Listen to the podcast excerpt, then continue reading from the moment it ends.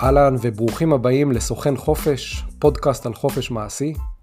אני אורי ברון, ובכל פרק אני פוגש אדם שהעשייה שלו או שלה מגדילה את החופש בעולם.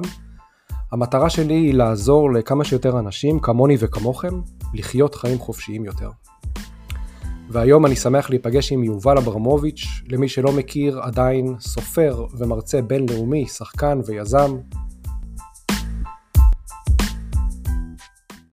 אהלן יובל. אהלן אהלן. כיף לי שאתה פה, מה שלומך? כיף לי מאוד, בסדר, אני האמת שאנחנו מדברים וזה עושה לי חשק לצאת לחופש, רק, רק השם של הפודקאסט שלך. אבל יש לי חופש, ב, ביום חמישי, עוד שלושה ימים אני בחופש. אין, אין עולה ממני לנהל שיחה על חופש, כי אני, אני חי מחופש לחופש. מעולה. מה זה חופש בשבילך? חופש בשבילי, אה, האמת, האמת שחופש בשבילי, אז ברור שאתה יודע, יש את החופש הפיזי, כלומר לנסוע לאיזשהו מקום, מלון או חוץ לארץ ו, ולהתנתק ולהתבטל, אבל, אבל חופש אצלי זה, זה לייפסטייל, זה, זה הצורה שבה אני חי, כלומר אני, אני חי בחופש.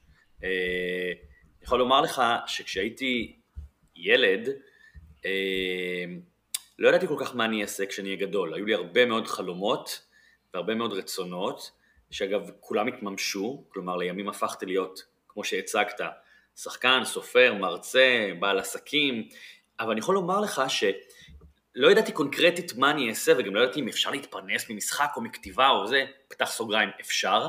אה, היה ברור לי שכשאני אהיה אדם גדול ומבוגר, יהיה לי יומן אה, שבועי, ואני אכתוב כאילו מה, מה, מה אני עושה מחר, מה אני עושה בשבוע הבא, מה אני עושה בעוד חודש, ובכל יום אני אפתח את היומן כדי לזכור מה, כדי לדעת מה יש לי מחר. כלומר, כל יום ייראה אחרת מהיום שעבר. וכך החיים שלי נראים. אה, כל יום הוא לגמרי שונה במהותו מהיום האחר. יש לי כמובן הרבה מאוד דברים שחוזרים על עצמם, כמו לאסוף את הבת מבית הספר, או להרצות היום בקריית שמונה, או להרצות היום בטבריה, או בתל אביב, או בפריז, אבל כל יום נראה לגמרי שונה, וזה בעיניי חופש. זה חיים של חופש. מעניין, ויש לך גם מקום לספונטניות עם כל כך הרבה תכנון? אה, בטח, בטח. קודם כל, קודם כל, דבר מאוד חשוב שמתקיים אצלי כל יום, זה שנץ. אה, אנחנו מדברים ואתה גר בספרד, אז אתה מכיר את הסיאסטה. אני לגמרי יכול להזדהות עם הסיאסטה הספרדית. עדיין עושים שם סיאסטה או שזה סתם כזה מושג?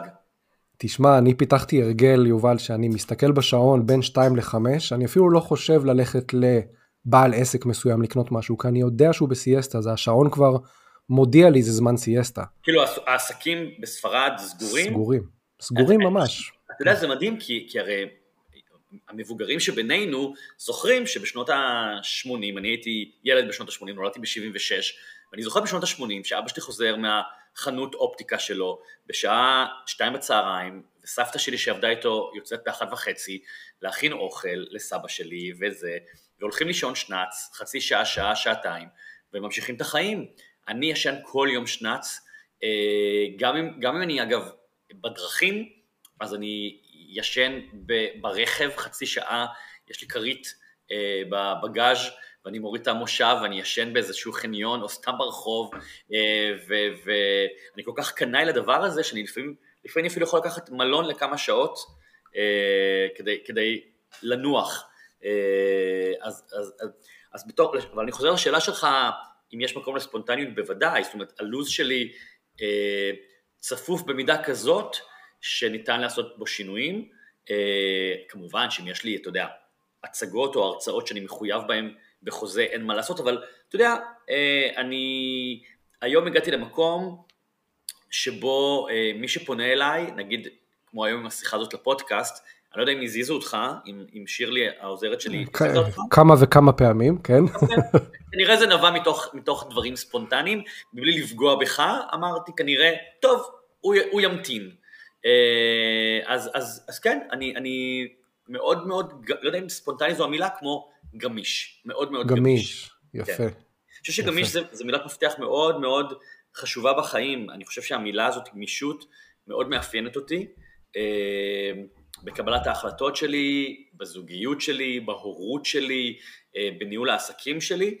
יש מי שלא מבינים את זה עד הסוף וחושבים שאני לא החלטי, או כי אני יכול להפוך החלטות, גם עסקיות mm-hmm. וגם אישיות, אה, אני יכול לקבל החלטה X ואחרי יומיים, אני יכול להגיד לך שפעם מישהי שעבדה איתי, אה, נסעתי לאיזושהי הרצאה ודיברנו בטלפון בדרך על כל מיני דברים עסקיים, ואמרתי לה, תקשיבי, אני רוצה שזה וזה, תתקשרי להוא, תגידי לו שזה וזה, והיא אומרת לי, אבל מה, לפני שלושה ימים היינו ב...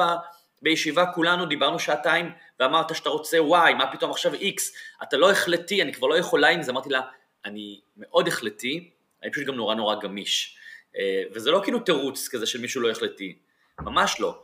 אני, אני, אני, גמישות זה משהו שמאפשר לי, אני, אני יכול להגיד לצוות, חבר'ה, בואו, אני מוציא עכשיו קבוצת אנשים לאתונה, לקורס כתיבה לחמישה ימים, נפרסם את זה בפייסבוק, נראה שאין היענות, אני אומר, אוקיי, כנראה שזה הייתה, המועדים לא טובים, זה נופל אה, קצת אחרי החגים, בואו נזיז את זה בחודשיים אחורה, קדימה וזה, ופתאום זה עובד.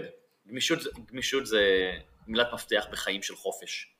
אני, תוך כדי שאתה מספר את הסיפור, אני פתאום חושב שאני מבין את הקשר בין ספונטני לגמיש. הגמישות שלך מאפשרת לך להיות או ספונטני או מתוכנן, אתה גמיש לגבי זה. הגמישות שלך מאפשרת לשנות את התוכניות. אה, הגמישות שלך מאפשרת לך להיצמד לתוכניות שלך. אז זה, זה שריר בעצם, זה נכון. שריר שאתה יכול להשתמש בו מול התוכניות שלך, מול אנשים, ובוא, אנחנו יכולים להבין שזה מעצבן חלק מהאנשים, שרוצים כן. משהו נכון, קבוע. נכון, אתה יודע, בסדר, עבדתי מאוד קשה כל השנים להגיע לאיזשהו מקום כזה בחיים מקצועי, שלשמחתי אנשים ממתינים. אה, אה, כן. אתה יודע, ותראה, אני חושב שגם... גם פה, אתה יודע, בדיוק הייתה לי שיחה השבוע עם מישהו ואמרתי לו את הפילוסופיה המקצועית שלי, אני, אני, אני גם אני, אני מניח שאני אכתוב על זה באחד הספרים העתידיים שלי, אני, אני מנהל עסק אה, כמו, כמו נגן שמנגן באקורדיון, אתה יודע, כשמנגנים באקורדיון, בכדי להשמיע צליל אז צריך להרחיב את האקורדיון אה, ואז לדחוס את האוויר ולהוציא את הצליל, ויש תקופות בחיים שלי, גם ברמה העסקית וגם ברמה האישית, שאני מתנהל כמו נגן אקורדיון, כלומר אני אומר אוקיי אני עכשיו מרחיב את הכלי הזה, אני פותח את הזרועות שלי, אני קולט עבודה, אני קולט עובדים, אני אה, מוציא הוצאות גדולות מאוד בעסק כדי לא יודע מה, ועכשיו אחרי שנתיים של כאלה ידיים מאוד עמוסות ורחבות אני מצמצם וסוגר את הכלי הזה ומצטמצם כדי להתפנות לדברים אחרים. נגיד אני עכשיו בתקופה כזאת בחיים שלי, בדיוק סיימתי כמה שיחות עם הצוות שלי אמרתי להם, אנחנו נכנסים לתקופה יותר מצומצמת, גם של, בהוצאות שלנו, אבל גם בפרויקטים. אני, אני ב-15 שנים האחרונות כתבתי 18 ספרים, קיבלתי החלטה שאני עכשיו מצמצם את הפעילות ללא כל שנה ספר או, שנה, או חצי שנה, אלא פעם בשנתיים, כדי לתת לי כן. מקום לדברים אחרים. ואני חושב מקסים, שאגב, אני חושב... אני, אני חושב שאפשר עוד משהו להוסיף בתוך הדבר הזה של גמישות, זה גם הקשבה לעצמך.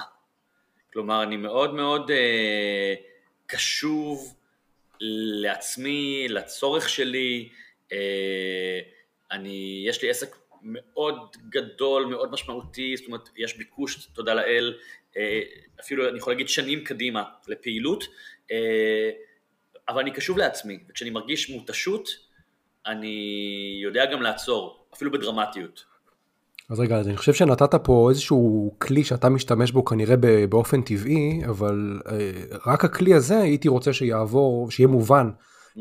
למאזינים. היכולת הזאת היא לפתוח את האקורדיון ולתת להרבה דברים להיכנס, אה, אולי איזשהו שלב של brainstorming כזה, שלב של ניסוי וטעייה, ואני חושב שהסגירה של האקורדיון היא לא מכווצת, היא מדייקת. היא בעצם נותנת למנגינה הנכונה לצאת בקצב ובטון שאתה רוצה. לגמרי, ו... אני חושב שבאמת גמישות והקשבה לעצמנו מוביל, מוביל בסופו של דבר לדיוק. אה, ואני יכול להגיד לך נכון. שלפני, אה, אני כבר לא זוכר, אבל משהו כמו שלוש שנים, אה, השקתי איזושהי תוכנית, יכול להיות שזה היה ממש כזה בתחילתו, בתחילתה של הקורונה, השקתי איזושהי, אתה יודע, הקורונה גם דרשה מכולנו לגלות גמישות.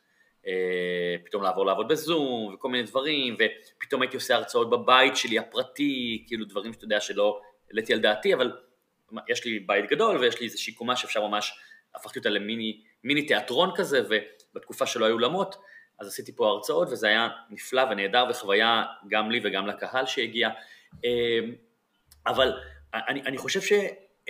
ובין, ובין השאר השקתי איזשהו תוכנית ליווי אינטרנטית, כזה משהו של חצי שנה, של זום כל שבוע, ופה ושם, ובאיזשהו שלב הרגשתי שכבר לקחתי לעצמי יותר מדי, כנראה אולי גם קצת מתוך פאניקה, כמו הרבה אנשים של רגע כי יש קורונה, מה קורה, פרנסה וזה, ובאיזשהו שלב הרגשתי שאני אה, אני, אני רגע מהתמודדות, אה, ושלחתי מייל ל-70 אנשים שנרשמו לתוכנית הזאת ושילמו עליה סכום כסף, אמרתי להם תקשיבו, אה, לא לקחתי בחשבון כשיצאנו לדרך את המחויבות הגדולה שזה דורש ממני, ולכן התחייבתי לתוכנית של חצי שנה, אני עוצר את התוכנית עכשיו אחרי חודשיים, אני לוקח חודש הפוגה מהתוכנית, אם זה פוגע במישהו מכם אני מתנצל ותקבלו ממני החזר מלא, אה, כי גם לכם יש לוח זמנים, ו...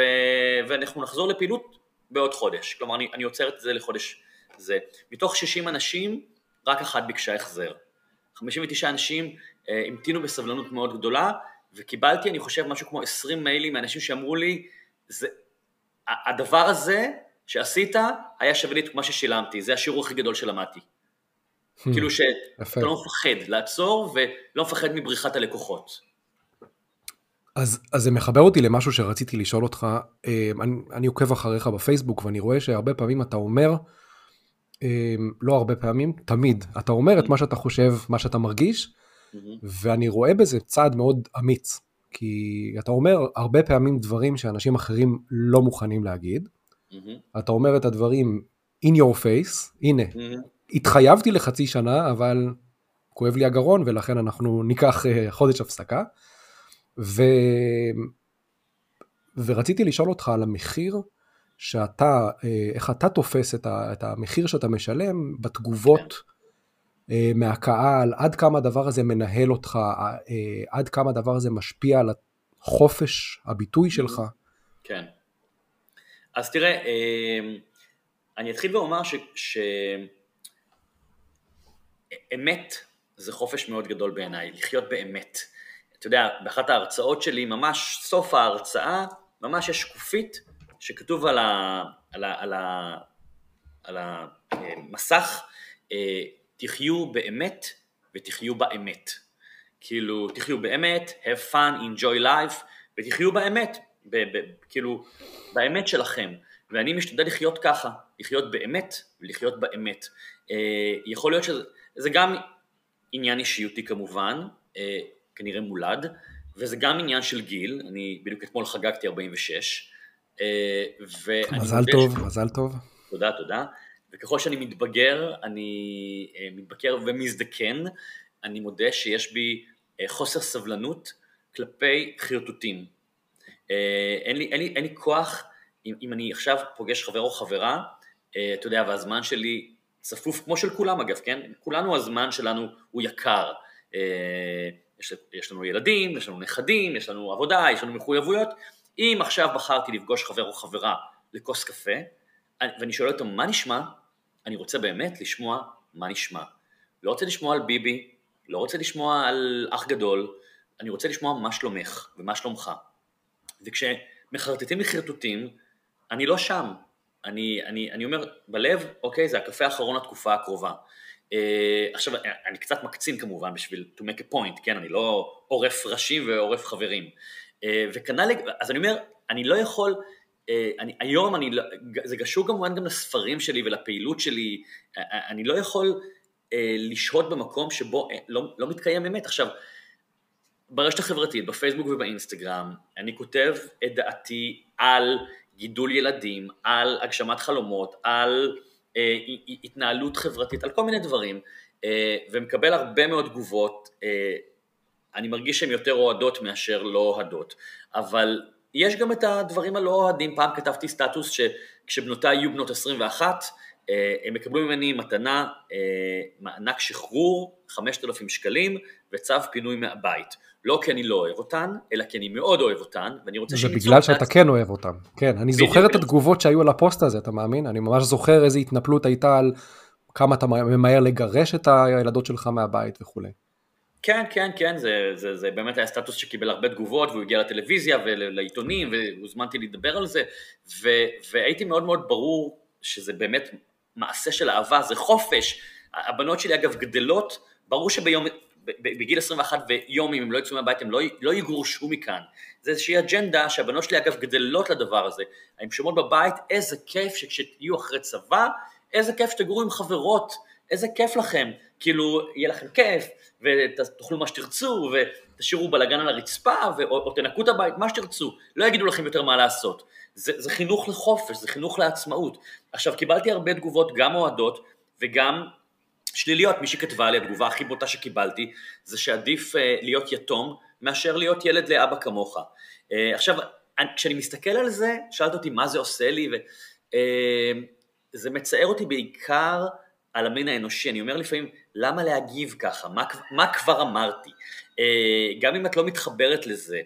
עכשיו, זה שאנחנו הולכים להיות חברה אלימה בישראל ובעולם בכלל, זה קורה, אנחנו רואים את זה, אגב, הרבה בזכות הרשת החברתית, כי נורא קל לכתוב למישהו, לך תמות, כאילו, כן, אבל פעם לפני עשור זה היה מאחורי טוקבקים אנונימיים, והיום זה כבר נהיה גלוי, שזה גם כן מחריד, אבל תראה, בסופו של דבר, הרבה מהאנשים האלה, אחרי יומיים כותבים הודעה בפרטי, נורא התעצבנתי ממך, אבל חשבתי על זה, mm. ווואלה, אתה צודק ותודה רבה. ומבחינתי, אה, זה הניצחון שלי, או זאת העבודה שלי. אני רואה את עצמי בשנים האחרונות אה, כסופר וכמרצה, אה, סוג של מורה דרך לכל מיני דברים. ממליץ, ממ... זה בגדר המלצה, כל מה שאני אומר הוא בגדר המלצה, גם הדברים שאני אומר לכם כאן בפודקאסט הם בגדר המלצה, מי שיאזין יגיד וואו התחברתי, אהבתי, ומי שלא, לא. אה, זה לא, זה לא, אתה יודע פעם, פעם איזה חבר אה, היה עד לאיזושהי סערה סביב איזה סטטוס שכתבתי על ביונסה בכלל, שבאלבום האחרון, האחרון של הרנסאנס הצטלמה ערומה על סוס. על הסוס. כן, אמרתי למה? וואי, את, את מלכת הפופ, את לא, את לא צריכה את זה, את מעל זה. אז התחיל ישר, מי אתה שתגיד לאישה איך להצטלם וזה, שתצטלם איך שהיא רוצה, שגם תצטלם לפורנו. העליתי פה חומר לנקודה, שאגב גם הרבה תמכו בזה.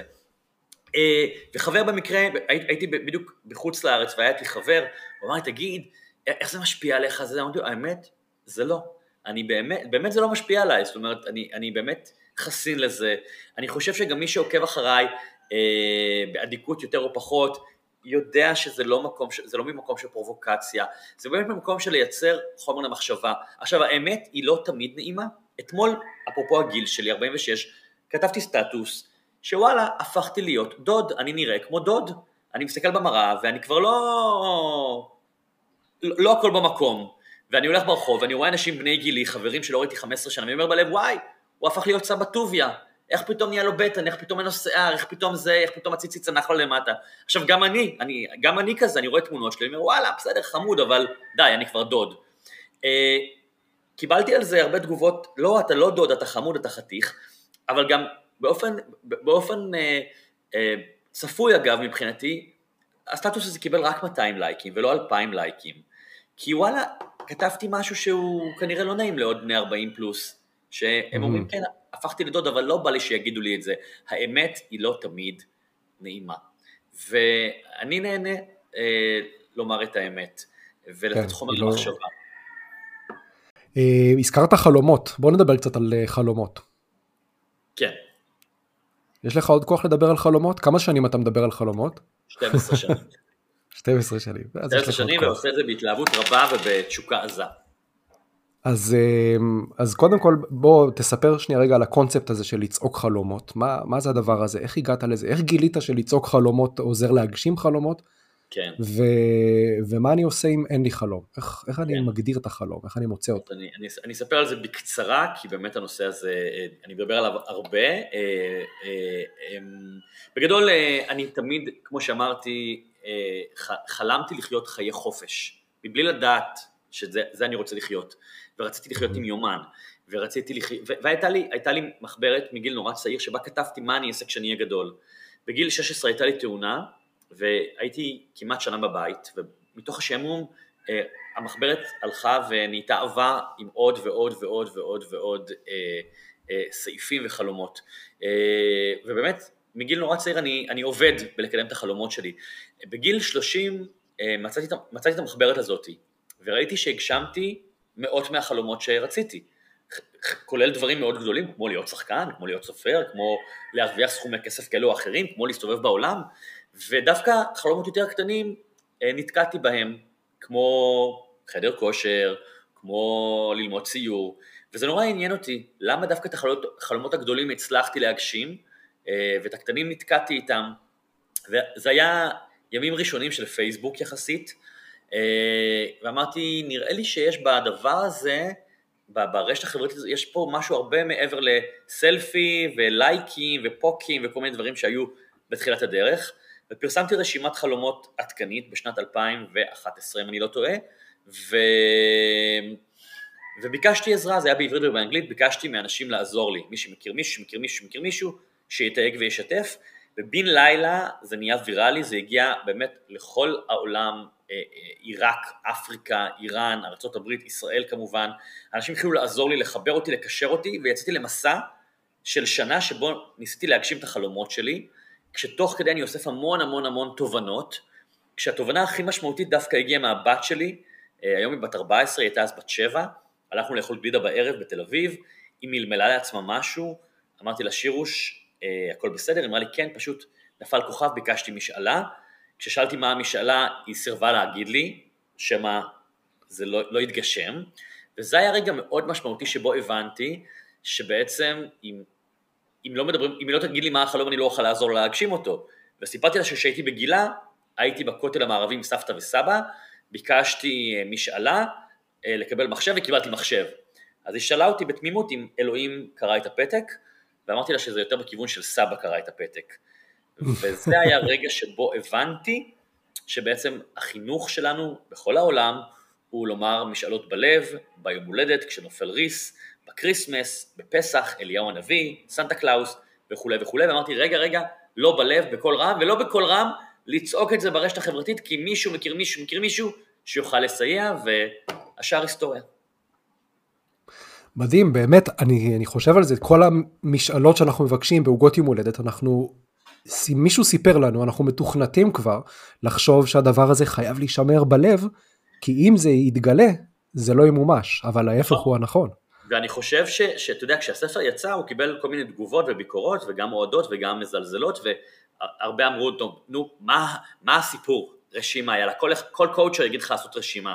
והאמת שגם אני בזמן אמת לא הבנתי מה רוצים ממני ומהספר הזה, אבל ככל שהשנים עברו וקיבלתי תגובות, ואתה יודע, היום הספר נמצא ב-20 מדינות בעולם, בסין, בקוריאה, בארצות הברית ועוד מדינות, ואנחנו עובדים על עוד מדינות שזה יקרה בהן, אה, ואמרתי, וואו, אם בכל העולם מחבקים את הספר הקטן והצנוע שלי, כנראה שיש ברעיון המאוד קטנצ'יק הזה של לצעוק חלומות באמת משהו, כי אלפי שנים בכל החברות, היהודי, הנוצרי, המוסלמי, זה מה שמלמדים, בלב. ו... ופה השינוי. נכון, תראה, גם, גם תפילה, הרבה, בהרבה תרבויות מתפללים בלב, כמו חלומות. עכשיו, רציתי לשאול אותך, אני כמאמן קריירה, עובד הרבה עם אנשים על אה, יעדים ותוצאות אה, ומטרות, הכל צריך להיות כמובן מדיד, הכל צריך להיות ריאלי, הכל צריך להיות ברור. אה, בח... איך זה עובד בחלומות? חלומות אפשר שיהיו יותר ארטילאיים, יותר וייג, או שזה גם כן. חייב להיות מטרה ברורה? לגמרי. תראה, לפני כמה חודשים השקתי איזושהי תוכנית ליווי אינטרנטית שנקראת המעבדה להגשמת חלומות. היה לי חלום כשהרשימה התחילה והספר יצא וההרצאה יצאה ואמרו לי, אתה יודע, הספר וה, וההרצאה הם, הם, הם רק מה שנקרא גירוי חושי ו, ו, ופתיחת תודעה ואמרו לי אוקיי, אבל איך אני ממשיך, איך אני ממשיך את הדבר הזה? כי התחברתי לה, לאג'נדה שלך ובמשך הרבה מאוד שנים היה לי רצון, היה לי חלום לייצר תוכנית כזאת שמלווה אנשים במשך פרק זמן לקדם את החלום ואני יכול להגיד לך שכשישבתי ופיתחתי את ה... תוכנית למעב... להגשמת חלומות, את המעבדה, יחד עם עוד אנשים, גם אנשים ששכרתי את שירותיהם וגם הצוות שלי, אז השאלה שהייתה היא באמת, איך מודדים את זה? כי זה לא, נגיד שאתה נרשם לתוכנית הרזייה, אינטרנטית או פיזית, אז נורא ברור, יום חמישי עולים על המשקל, ורואים שירדנו 200 גרם או עלינו קילו, ומוחאים כפיים, והולכים הביתה. ואיך עם חלום, איך יודעים עם חלום? אם יש לי חלום אה, לקנות בית, אם יש לי חלום למצוא זוגיות, אם יש לי חלום אה, להוציא ספר, לקדם עסק קיים או כל דבר אחר. אז בניתי באמת איזושהי תוכנית שהיא נורא מדידה. כלומר, כל יום חמישי, האנשים שבתוכנית, הם מגישים איזשהו דוח למי הם התקשרו השבוע, עם מי הם נפגשו, מה הם כתבו בפייסבוק, זאת אומרת, יש להם משימה, משימות שבועיות מאוד קטנות, של פגישה שבועית, טלפון שבועי, מייל שבועי, אה, פוסט בפייסבוק, ואז הם, הם יכולים למדוד את, ה, את, ה, את, ה, את מה הם עשו, איך זה קידם אותם ומה קרה. כן. אה, ו... הם גם יכולים למדוד את ההתקדמות שלהם וגם ההתקדמות הזאת נותנת להם מוטיבציה בדיוק. להמשיך ולהתמיד. נכון, ואני מאוד מאמין, זאת אומרת, אה, אני מאוד מאמין במנות קטנות. אתה יודע, לפני כמה שנים, אני, אני בן אדם מאוד לא ספורטיבי, כלומר אני מתעב ספורט, אה, אבל, ואני מדי פעם ככה מנסה למצוא איך כן אני, והמליצו לי לרוץ, ואני באמת מעולם לא רצתי. תמיד בבית ספר אני הייתי רץ מהשיעורים, משיעורי הספורט. ואז חברה סיפרה לי על אפליקציה נפלאה שנקראת 10K, 10K, קילומטר, שמלמד אותך לרוץ, ב, ב, ב, אתה מתחיל בדקה הליכה, שתי דקות ריצה, זהו, זה האימון להיום. מחר, דקה הליכה, שתי דקות ריצה, עוד דקה הליכה. ככה במשך ארבעה חודשים מפתחים אה, כושר וסיבולת לב ריאה, ובאמת אחרי, אה, אחרי שלושה חודשים פתאום, וואו, רצתי עשרה חודשים, אה, עשרה קילומטר. עשרה קילומטר. גם, גם, גם ככה אני עובד עם החלומות שלי, או לחילופין כשאני מנחה אנשים בתהליכים אה, כאלו או אחרים, במנות קטנות, בצעד כן. אחרי צעד אחרי צעד, אנחנו היום חיים בתרבות אה, שמקדשת את המהירות, את הריאליטי. נכון. שלושה חודשים ואתה ווינר. זה לא עובד ככה. זה לא עובד ככה. גם, גם בוגרי הכוכב הבא, גם נטע ברזילי שזכתה באירוויזיון, באמת במהלך מדהים. כוכב הבא, אירוויזיון, בום. גם היא עדיין עוד לא מימשה את הפוטנציאל שלה. גם היא עדיין מוציאה שיר אחרי שיר בתקווה לשחזר את הטוי הבא שלה. אה, ואני מאוד מאמין כן. בדבר הזה, בהבשלה, באיטיות, בהיריון. מאוד. אני מאוד מתחבר לזה, אני חושב שגם יש לנו היום תרבות שמקדשת את התוצאה ולא את התהליך ולא את הדרך, וכולם מחפשים גם אה, להשיג את התוצאה מהר, וגם תמיד את המקום הראשון, ושוכחים שמקום ראשון יש רק אחד. ויש כל כך הרבה דברים שאפשר להצליח בהם תוך כדי תנועה, ליהנות מהדרך, ללמוד מהדרך, אפילו להיכשל ולהתרומם מזה ולהמשיך הלאה, זה חתיכת הישג. כן. והרבה פעמים תפיסת ההצלחה והכישלון מסתובבת סביב הגעתי למקום הראשון או לא הגעתי למקום הראשון. כן. אמ, אז מכל האנשים שאתה בטח פגשת הרבה מאוד אנשים שהגדירו לעצמם חלומות וניסו להשיג אותם ו... וחלקם גם הצליחו, מה בעיניך, ה, ה, מה מונע מאדם להשיג את החלומות שלו? ככה וואו. בממוצע, יש, איזה דברים יש, מונעים? יש רשימה ארוכה של דברים. אתה יודע, מעניינים אה, אה, אה, אישיים פנימיים נקרא לזה, אתה יודע, כל מיני מחסומים, אה, אמונות מגבילות, אה, חינוך בבית, סביבה רעילה, בעל או אישה לא תומכים, ילדים מזלזלים, אה, בוס, כל מיני מגביל, זאת אומרת, אה, אה, יש פה חוסר אמונה עצמית, אה, חוסר דוגמה אישית, יש, יש פה עניין, גם עניין אתני, עדתי, דתי, גם בישראל כמובן, אבל גם בעולם, אני, אני ממש רואה את זה, אגב, גם במסעותיי בעולם, בהרצאות שלי אני רואה הבדלים בחברות בין הבלגים להולנדים, לבריטים, לגרמנים, לסינים, לישראלים, בתוך ישראל אנחנו חברה הרי מעורבבת נורא, אז אני רואה, אתה רואה את זה אצל האתיופים, מול הרוסים, מול הערבים, מול הדתיים, מול החרדים, יש שם כל כך הרבה זרמים, אה, זה המון המון המון המון מהבית, המון המון מהבית, אה, כן. ויש פה, נדרשת פה גם עבודה עצמית, אני מאוד מאמין שבשביל באמת לפרוץ דרך, חובה להיות מטופל, לטפל בך בנפש באיזשהו אופן, אה, פסיכולוג, פסיכיאטר, NLP, לא משנה מה, מה השיטת טיפול, אבל, שיט, אבל לעבוד על הנפש. לעבוד שלה, בזה, לעבוד, לעבוד בזה. בזה. אני בדיוק אה, אתמול במסגרת יום הולדתי, אז המתנה הראשונה שלי הייתה בבוקר אה, פגישה עם הפסיכולוגית שלי, וגם חגגנו אתמול, חגגנו אתמול 20 שנות קשר. אני 20 שנה אצל פסיכולוגית, אני, אני רואה בזה זכות גדולה מאוד, אני רואה בזה פריבילגיה אדירה, לאבד דברים, אה, ולהשתפר כל הזמן. יש אה, חלום שאתה שמעת פעם ואמרת, אה, תמשיך לחלום, כאילו משהו שאתה שומע חלום של מישהו אחר ואתה אומר זה לא ריאלי? יכול להיות כזה מצב? אה, בגדול לא וכן, זאת אומרת, לא, אני האחרון שיפסול לאנשים חלומות, כאילו יגיד לא אין סיכוי שזה יקרה, אני בצעירותי אמרו לי בהרבה מקומות, אתה לא תהיה עיתונאי, אתה לא תהיה סופר, אתה לא תהיה שחקן, לא קיבלו אותי, לא זה, לא פה, לא שם, אה, אני האחרון שאומר את זה לאדם. אני כן יכול להגיד לך שאני נתקל לפעמים, לא הרבה, אבל אני לפעמים נתקל במקרים של חוסר מודעות, של מישהי שרוצה להיות זמרת, ואין לה קול. אז נכון שיש מקרים של זמרים בלי קול אה, כמו אביב גפן, שהוא אחד הזמרים המצליחים בישראל, בזכות המבצע שהוא, בזכות הלחנים והטקסטים שלו, הוא לא הזמר הכי ערב לח... לאוזן. אה, לפעמים אני נתקל בעיקר בכל מה שקשור לעולם הבידור, הרבה אנשים רוצים להיות שחקנים, דוגמנים, רקדנים, אומנים, זה, מכל מיני סיבות, לא ניכנס לזה עכשיו, למה, למה העולם הזה מושך כל כך הרבה אנשים, את, לא מזמן מישהי סיפרה לי שיש לה חלום להיות ציירת והיא הראתה לי עבודות שלה, ואתה יודע, זה עניין של טעם אישי, אבל בעין אובייקטיבית, גם כמי שהיה לו בעבר גלריה לאומנות, ציירת מקצועית היא לא.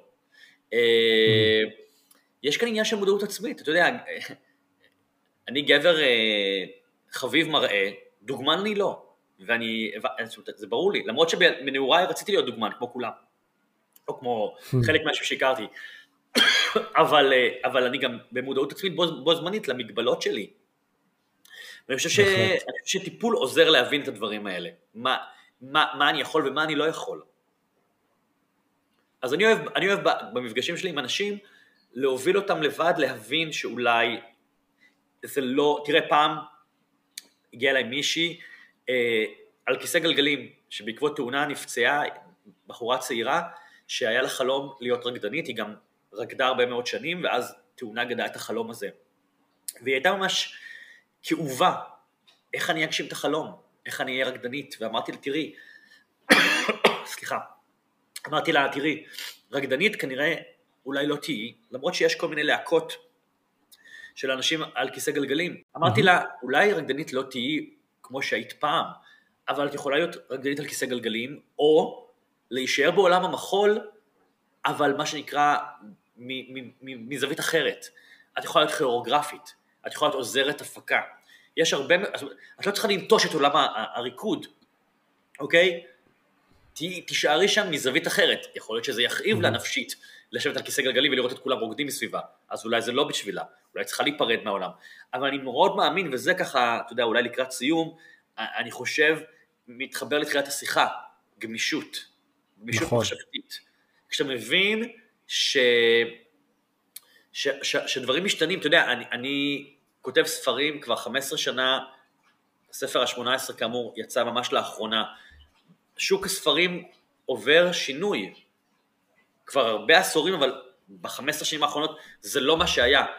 הוא, הוא מקבל את הצורה שונה, הספרים נהיים יותר קצרים כי לאנשים יש סבלנות, נטפליקס מתחרה בך, הטלפון מתחרה בך, ואם פעם הייתי מוציא כל שנה ספר, אני אומר, אוקיי, אולי, אולי עכשיו צריך לש, לשנות דברים, אולי ספר פעם בשנתיים, אולי צריך להוציא ספר בפורמט דיגיטלי, אולי צריך להוציא ספר שיש בו איזה משהו אינטראקטיבי, אני לא יודע, אני מנסה לחפש, אני לא נאחז ואומר, לא, לא, פעם, לפני 15 שנה הספר הראשון שלי, לא, המציאות משתנה, אתה יודע, כן. וצריך לזרום עם הדבר הזה. נכון, ולכן גם, גם ההגדרה של החלום כדאי שתהיה גמישה, וגם המימוש של החלום צריך להיות עם mindset אה, גמיש. לגמרי, לגמרי. אמ, אוקיי, אז תן לנו באמת לסיום אמ, טיפים לאנשים שמקשיבים עכשיו לפרק הזה. אמ, מה הם צריכים לעשות מחר בבוקר? קודם כל, אם אין להם חלום, אז כן. מאיפה מתחילים? ואם יש לי חלום, מה הצעד הראשון שאני צריך לעשות כן. בדרך להגשמת החלום? אז קודם כל, למה מחר? למה לא עכשיו? עכשיו. אחרי הפודקאסט אתם לוקחים דף ועט ורושמים את כל מה שבא לכם לעשות בחיים. בלי צנזורה, בלי תירוצים, בלי בעלי, אשתי, ילדים, כסף, קורונה, בעל, פשוט להתפרע. דברים קטנים וגדולים, הכל הכל הכל. אני חושב שקודם כל, תסתכלו ברשימה, יכול להיות שיצאו לכם חמישה דברים, יכול להיות שיצאו לכם חמישים דברים. תנהלו, תנהלו עם עצמכם שיחה, מה זה? למה כתבתי את זה? כמה זה חשוב לי? מאיפה זה הגיע? יכול להיות שאתם תופתעו מדברים שיעלו שם, יכול להיות שיש דברים שהולכים איתכם עשרים שנה. קודם כל, שווה לעשות שיח פנימי. מה זה? למה יצא לי מה שיצא לי? ולפעמים אנשים נורא מופתעים ממה שיוצא להם. אחר כך אה, הייתי מצמצם ומשאיר בין חמישה לעשרה דברים שממש בוערים בי, שאני רוצה לנסות לקדם בשנה הקרובה. ואחר כך הייתי מדבר על זה עם כמה אנשים קרובים אליי, רצוי אנשים שהם גם עם ראש פתוח, עם גישה חיובית, שלא יגידו לכם, אה, מה זה החלום הזה, עזוב, אין לזה סיכוי.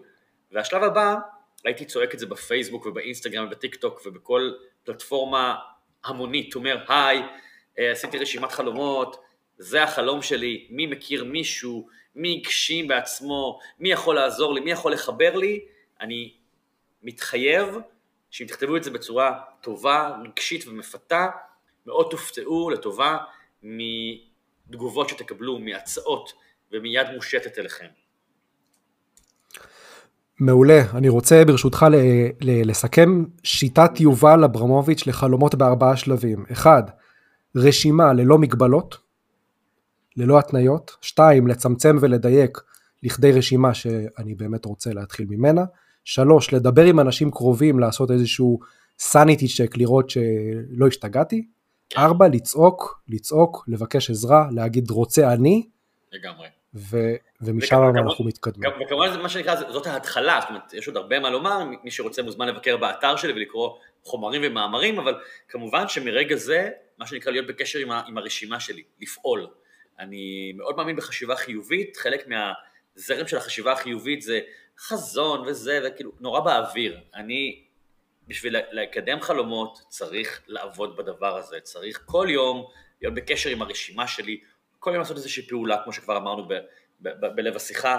אה, זה לא קורה מזה שרשמנו או מזה שחשבנו על זה, זה רק ההתחלה. כאן מתחילה העבודה. כאן מתחילה העבודה.